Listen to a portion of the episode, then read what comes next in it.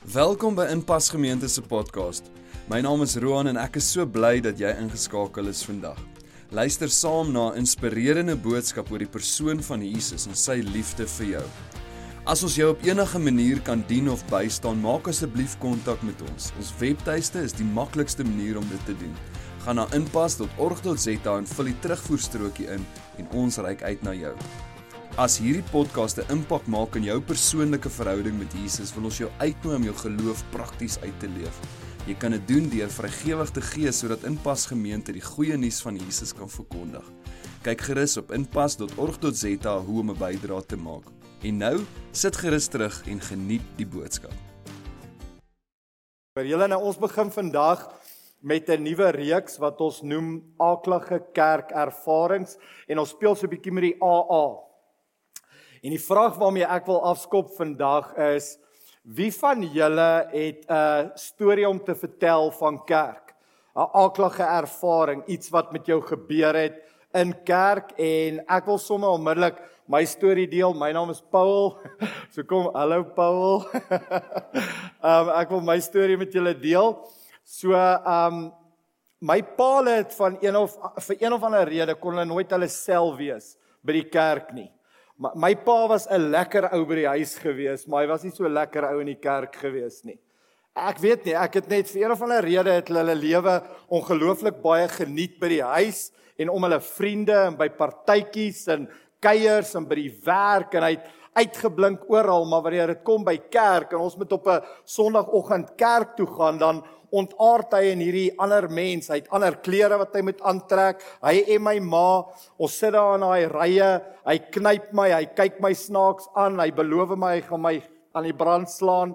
Hy hy het net verander. Hy het net hy het anders geword en vir my een of ander rede, my klein koppie op daai stadium My verstand oor kerk het vir my gesê hierdie is nie 'n lekker plek nie. My pa hou heel duidelik niks daarvan nie. So ek moet seker ook niks daarvan hou nie.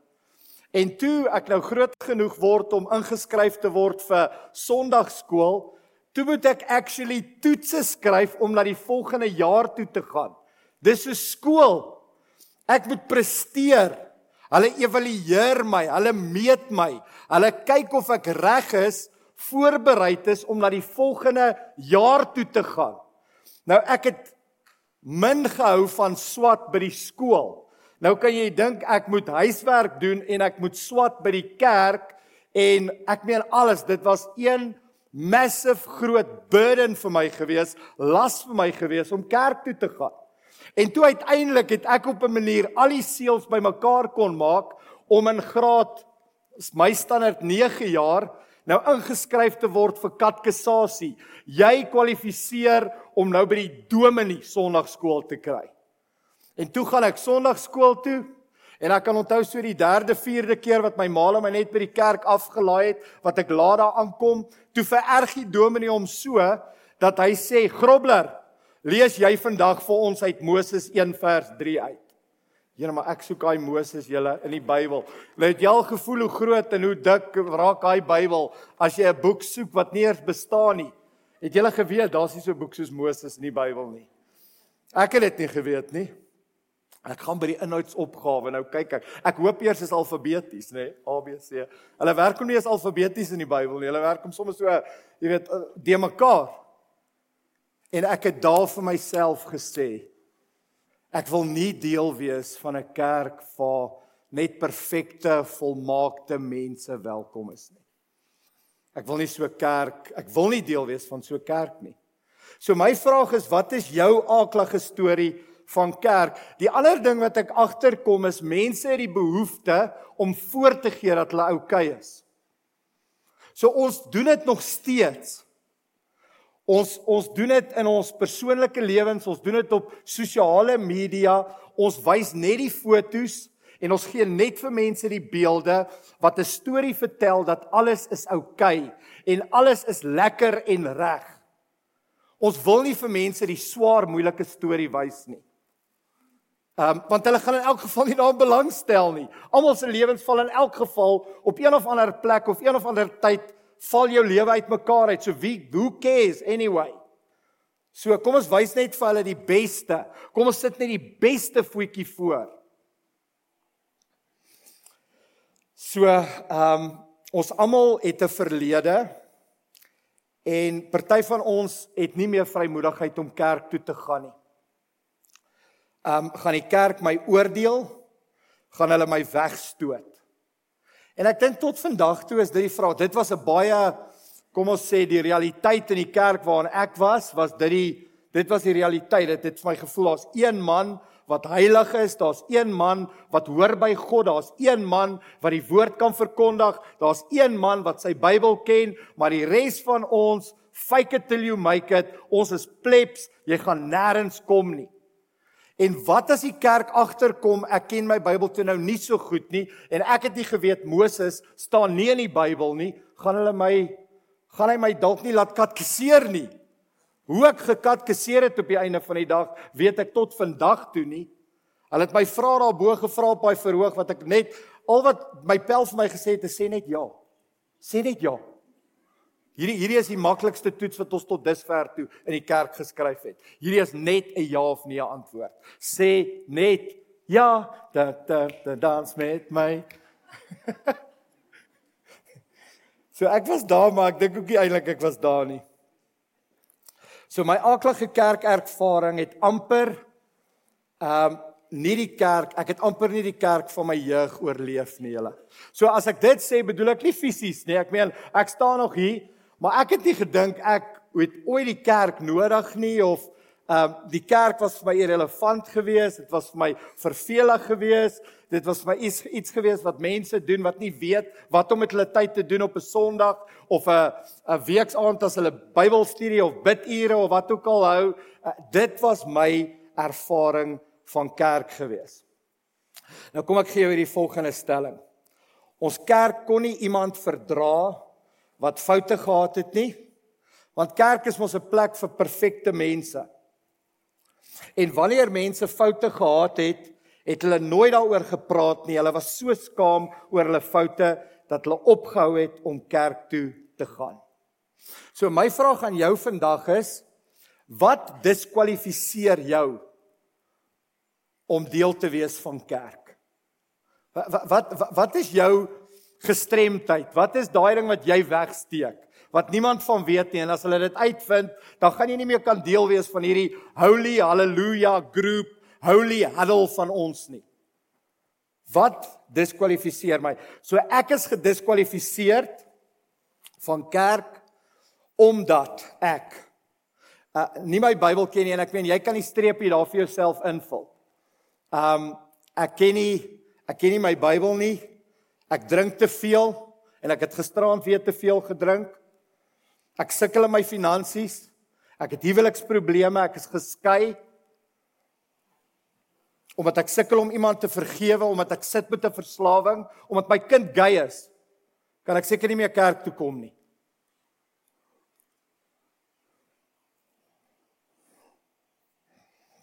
En dan al wat ons doen is ons vat die besem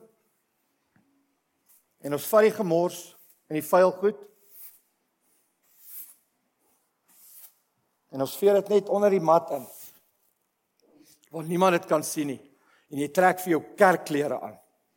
En jy kom kerk toe met jou kerkklere en jou kerkgesig soos my pa en my ma vir jare gedoen het en elke oomblik daarvan gehaat het. Was nooit deel van 'n lewegewende klein groep mense wat actually belang gestel het in hulle en gehoor het, "Jessie Makobus, hoekom? Hoekom praat jy so?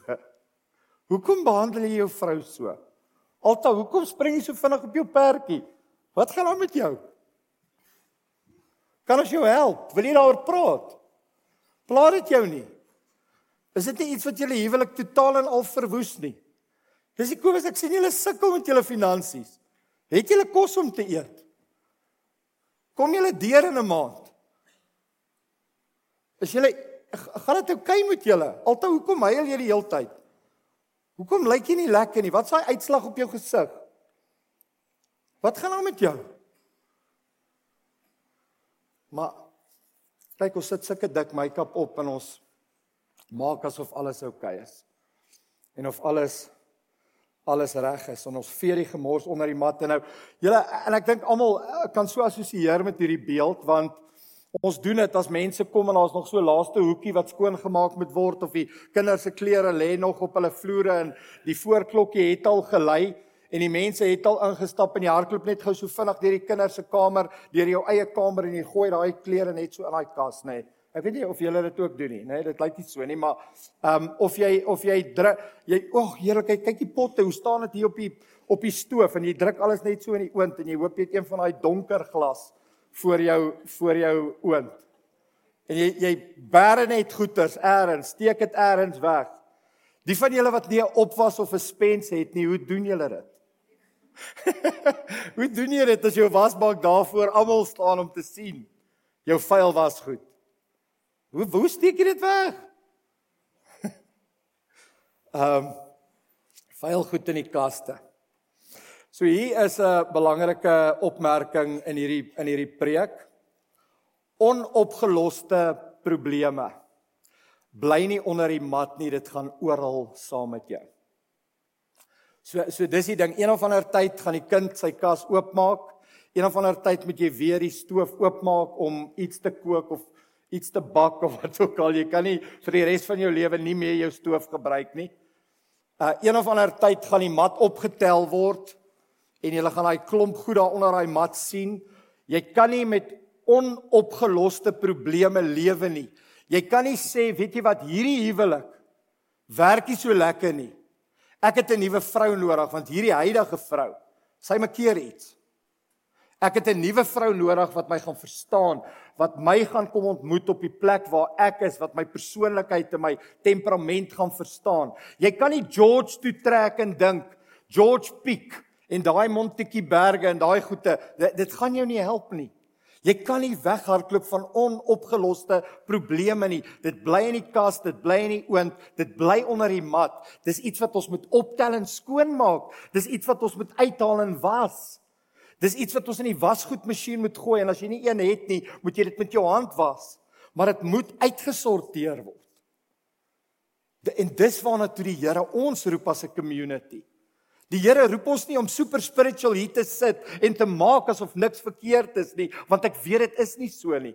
Ek weet in 'n groep hierdie grootte is daar ten minste 10 of 20 of 30% wat dit net glad nie meer kan hou nie, wat nie cope nie, wat dit dis nie meer lekker nie.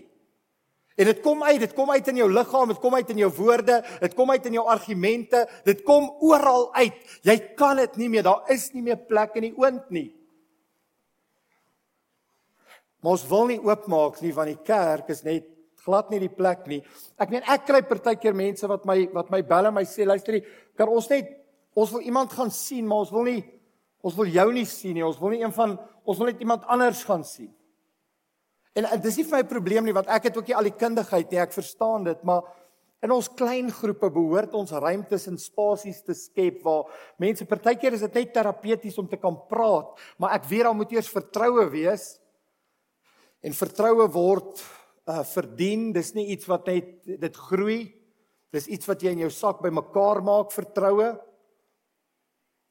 So kom ons wees mense wat ander mense kan vertrou met hulle vuil wasgoed en met hulle en met hulle gemors.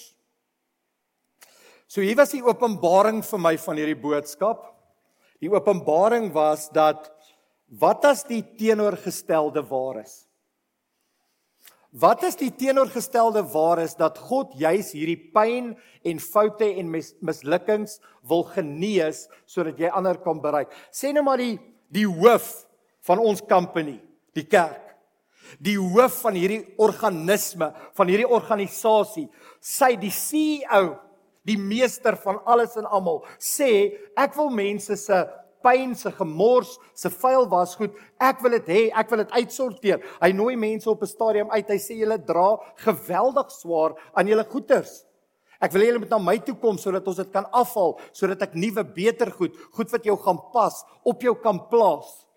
So sê nou maar die hoof van ons company sê dis my mission. Dis die DNA wat ons moet uitleef, maar sy werkertjie sê nee nee nee, ons werk aktief teen hierdie missie. Mense moet asseblief net nie eerlik raak nie. Mense moet asseblief net nie deursigtig raak en hulle lewens begin deel nie. My openbaring was dat God is die teenoorgestelde as die kerk baie keer. Sy arms is waawyd oop en hy sê luister, die almal wat stikkend seer min het verlies het, wat nie meer kan nie, nie cope nie, selfmoord selfmoord wil pleeg, klaar wil maak met hierdie lewe. Jy weet nie wat verder nou gaan gebeur in jou lewe nie. Julle almal kom na my toe. En almal wat gesond is en almal wat oukei is. Kom ek lees vir julle um Romeine 5 vers 8 dit sê die volgende. Maar God bewys sy liefde vir ons juis hierin dat Christus vir ons gesterf het toe ons nog sondaars was. Toe ons nog sondaars was. Jesus het nie vir jou gesterf omdat jy bereid was nie party van ons is tot vandag toe nie bereid nie Jesus het vir jou gesterf omdat hy jou liefhet nie omdat hy dink jy kan dit self doen nie Nie want hy dink jy kan self cope met hierdie lewe van jou nie. Hy weet jy kan nie. Hy het vir my en jou nog gesterf toe ons aktief teen hom gewerk het. Toe ons nog niks met hom te doen wou gehad het nie. Toe hierdie graad 11 of 12 seun hom opgeruk het en gedink het hy's groter as kerk en hy's groter as God en hy het God nie nodig nie. Hy het daarvoor gestaan en ja gesê, maar hy weet nou nog nie waarvoor hy wel hy weet vandag waarvoor hy ja gesê het, maar dit was nie in die oomblik gewees nie. Hy het selfs vir daai windgat tiener het hy kom sterf en gesê, weet jy ek so lief vir Paul en ek weet is net nog 6 maande. Dis net nog 6 maande. Dan gaan ek myself aan hom openbaar. Hy gaan radikaal tot bekering kom. Hy gaan kies om my te volg met die met sy hele lewe vir die res van sy lewe. Hy gaan 'n pastoor word en hy gaan 'n verskil maak. Hy het dit geweet, maar hy het maar toegelaat dat ek my fits gooi en my speelgoed uit die kot uit gooi. Hy het dit toegelaat. Maar ons laat mense nie toe om dit te doen nie. Jy moet dit as asseblief net nie eerlik wees nie.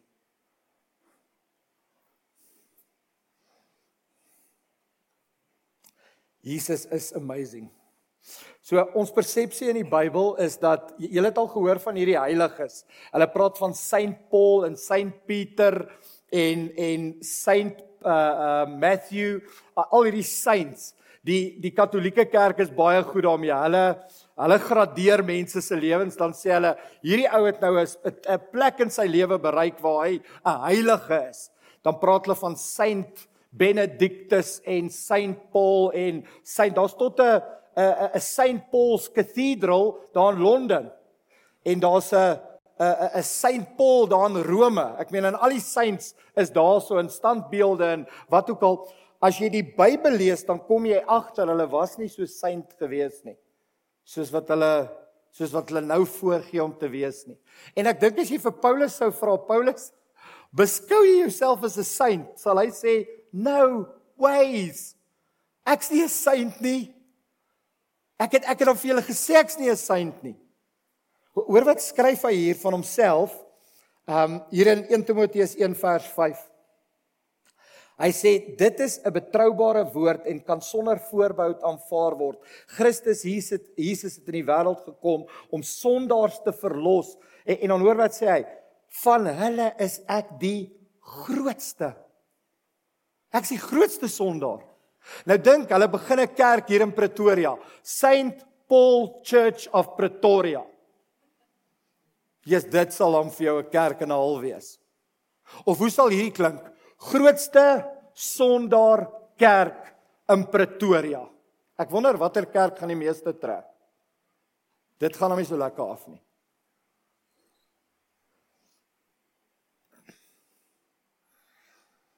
Hierdie is 'n ou wat meeste van die Nuwe Testament geskryf het. Ehm um, en en ek dink hulle hulle hulle hulle reflekteer op die na dat hy Jesus Christus aangeneem het gedeelte. Maar selfs na die Christus aangeneem gedeelte was daar gebroke verhoudings in Paulus se lewe. Was daar struggles in Paulus se lewe wat hy met ons deel. Ons lees dit in die Bybel. Honderde miljoene mense, is daar ooit honderde miljoene mense wat leef, maar hy het dit al oor generasies heen gelees van hom hoe hy sukkel met 'n doring in sy vlees hoe hy hoe hy hoe hy praat oor ehm um, Bar, Barnabas en hulle verhouding en hoe daar skeuring plaasgevind het as gevolg van Markus. Hy praat oor hierdie hy praat oor hierdie struggles van hom. En jy net so, jy het die Here aangeneem, nou sit jy nog met sekere goed waarmee jy stoei en jy dink by jouself, maar ek kan nie. Want want ons kerk, ons kerk as jy tot bekering gekom het, is jy perfek en volmaak en jy kan nie meer foute maak nie. Daar's nie ruimte vir foute nie. There's no margin for error. En dit is nie so nie. Dit is nie so nie. So partykeer dan vang ek net so jy weet net so swak kniegie. Dan dink ek, "Jy, Paul, jy moet jy moet mooi loop, boetie." Ehm um, Welkom by Saint Saint Paul. Ek dink hier is die uh die groot punt van hierdie preek. As daar hoop is vir Paulus, is daar hoop vir almal. As daar hoop is vir Paulus, is daar hoop vir almal. En en ek wil jou ek wil jou aanmoedig hierdie verhaal van God is spectacular geïnspireerd oor hoe hy 'n pad met jou stap en jou vat en jou help. So ek weet nie wat is jou aaklige ervaring van kerk nie. Ek het jou myne vertel en ek dink dis baie mense se storie van kerk. Um party van ons hou vas aan 'n storie wat dalk nie eers die waarheid is van kerk nie, soos ek. Ek het geglo die kerk is vir perfekte volmaakte mense. Ek kom nou agter die kerk is vir siek gebroke mense. En wat in 'n proses betrokke raak waar die Here hulle lewe verander, hulle lewe nuut maak, die krag, die vrymakende krag van Jesus Christus, hulle lewens kom aanraak en hulle kom verander. Dis die storie van kerk. Die storie van kerk is 'n is 'n storie van genade waar Christus intree in jou lewe en vir jou sê jy Jy is stikkend, jy is 'n sondaar, jy het 'n redder nodig. Ek is daai redder. Die kerk kan jou nie red nie, 'n klein groep kan jou nie red nie, 'n Bybelstudie kan jou nie red nie. 'n Projek en 'n uitreik kan jou nie red nie, net Christus kan jou red. Kom ons bly weg van die fiteriasies af mense.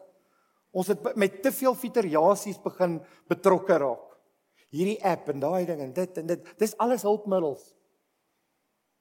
Party van ons sit nog steeds in klein groepe en ons voel nog steeds net so gebroken. Soos ons soos nog altyd van tevore. Laat toe en maak jouself oop. So ek het net twee voorstelle om te maak. Die eerste voorstel is die volgende teks Spreuke 28 vers 13. Hy sê die volgende: Wie sy sonde wegsteek, moet niks goeds te wag te wees nie. Wie sy sonde bely en daarvan afsien, sal genade ontvang. Nou, hou net hierdie teks op die op die skrif uh net op die skerm vir 'n oomblik. Wie sy sonde wegsteek, moet niks goeds te wagte wees nie. So so as jy as jy bly vasklou aan die gemors onder die mat, moet jy niks goeds te wagte wees nie. Daai goed gaan uitkom. Dit gaan jou seermaak. Jy gaan gly op daai mat. Iets wag vir jou. Wie sy sonde bely, wie die mat oopmaak, en begin skoonmaak deur die genade en die krag van die Here en daarvan afsien hy sal genade ontvang. So dis die eerste stap. Here ek is 'n sondaar. Here ek is besig met die verkeerde goed. Here ek is besig om te gly. Here ek het destruktiewe gedagtes. Here ek kan nie meer nie. Dis die begin van my en jou herstelling genesing. En dan in die tweede plek Jakobus 6 vers 16 bely julle sondes eerlik teenoor mekaar en bid vir mekaar sodat julle gesond kan word. My begeerte is dat hierdie 'n community sal wees van mense, stikkende stikkende mense wat eers op die pad Jesus Christus se genade ontdek het, wat bely het en vertrou het en begin glo het in die Here se se krag om mense vry te maak, heel te maak en hulle is nou al 'n paar stappies verder op hierdie journey. Alles is nog nie uitgesorteer nie. Ja, dis die ander manier hoe ons dink. Weet jy wat, ek moet 100% Christen wees voordat ek gedoop kan word. Nee, dis die begin van die journey. Ek moet 100% Christen wees voordat ek kan inskakel by 'n klein groep. Ek moet 100% Christen wees voordat ek kan begin wat ook al doen in die kerk. Jy moet net 'n uh, Christ, jy moet net die Here aangeneem het. Nul. Jy's nul. Jy's niks nie. Die Here werk die beste deur mense wat dink hulle is niks nie. En wat nie voorgee dat hulle iets is nie. So net daai twee goed, julle bely jou sondes teenoor die Here, moet dit nie wegsteek nie en kry mense in jou lewe om jou te help. Kan ons 'n community wees wat wat nie bang is vir die moeilike harde gesprekke nie, Ons het nog nooit weggeskram daarvan nie. Ons is nog altyd in elke forum gekonfronteer daarmee. En as jy werklik waar wil deel met die gemors onder die mat, dan wil ek jou vra skakel in, raak betrokke, raak deel. My eie vriend het in COVID tyd vir my gesê hy's besig om terug te val. Ek sê vir hom hoekom?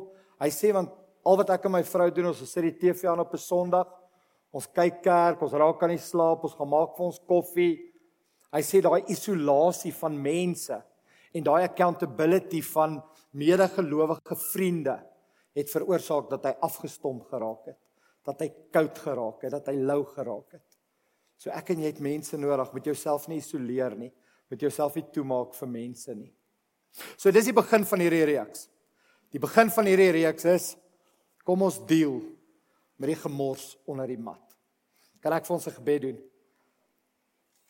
So ek wil jou vra voordat ek vir ons bid terwyl almal se oë gesluit is. Hierdie is so 'n geleentheid vir jou nou. Hierdie is so 'n geleentheid vir my om net eerlik te wees vir eens en vir altyd en net eerlik te wees.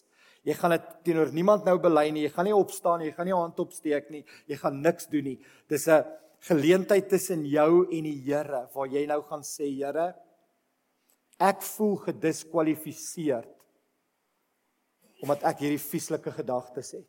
Of Here, ek voel gediskwalifiseer omdat ek besig is om iemand te na te kom of ek voel gediskwalifiseer oor dit of dat of die volgende. En dan die oomblik wat jy dit bely en erken, dan sê jy vir die Here, Here, vergewe my. Ek wil nie so leef nie. Here, ek wil vra dat die kruis, die krag van die kruis van Jesus Christus my kom bevry. Dis al wat my en jou kan bevry en kan vergewe en kan skoon was. En dan vra jy die Here se vergifnis en die Here wil jou nie net vergewe nie, hy wil jou verlos. Hy wil jou vrymaak vandag. So ek wil nou vir jou daai geleentheid gee, elkeen nou op op jou eie.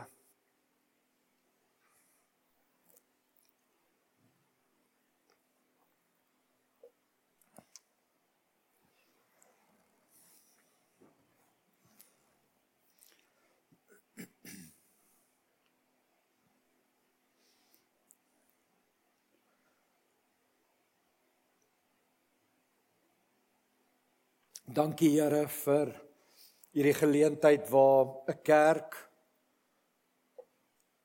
wat stikkend is en 'n kerk wat sukkel om te vertrou en 'n kerk wat dikwels twyfel en 'n kerk wat sukkel met soveel gewoontes wat seermaak na U toe kan kom Here. Here ons kom bely dat ons is feilbare mense. Here maar U is 'n onfeilbare God. Here ons het sonde wat ons weerhou om ten volle te kan lewe. Dit hou ons terug. Dit breek ons vertroue. Dit breek ons verhouding. Here ons kom vandag as u kerk Ons weet Here Jesus, U is die teenoorgestelde. U is 'n God wat sonde, pyn, foute, mislukkings wil vergewe, genees en verlos. Jammer dat u kerk nie 'n goeie verteenwoordiger is van wie u is nie, Here. Ek wil eerstens net namens ons as 'n kerk kom sê, ons is jammer as ons enigsins 'n beeld of 'n getuienis geskep het dat mense moet perfek wees, moet volmaak wees voordat hulle kan deel raak van ons community. Dit is bloot net nie die waarheid nie. Anders het Jesus Christus verniet gesterf as hy net vir perfekte mense gesterf het. Here, dankie vir u, dankie vir u liefde, dankie vir u uitreik, Here. Dankie hier's mense reg oor hierdie saal wat vandag kom sê het ek voel gedis, gediskwalifiseer omdat ek hierdie ding het. Ek voel so onbekwaam, ek voel so skaam, ek voel so skuldig. Here, dankie dat U ons skuld kom wegvat in Jesus se naam. Dankie dat U aktief sê, moenie meer sonde doen nie. Gaan heen. Ek gaan saam met jou wees. Maak vriendskappe. Wees deel van 'n klein groep. Skakel in. Kom deel jou lewe. En nie op 'n superficial manier nie. Nie op 'n oppervlakkige manier van ons werk deur 'n boekie en ons lees 'n gebedjie af nie. Nee, wat is jou storie? Vertel my jou storie. O, oh, so skrikkelik. Die Here kan jou storie verander. In Jesus se naam kan die Here jou storie verander. Here, ek sê vir U dankie daarvoor en ek eer U vir hierdie reeks. Here, ek kan nie wag om te sien wat U nog gaan doen en hoe die beeld van die ware kerk wil kom herstel in ons gemeente nie. Ek sê vir U dankie daarvoor. Amen.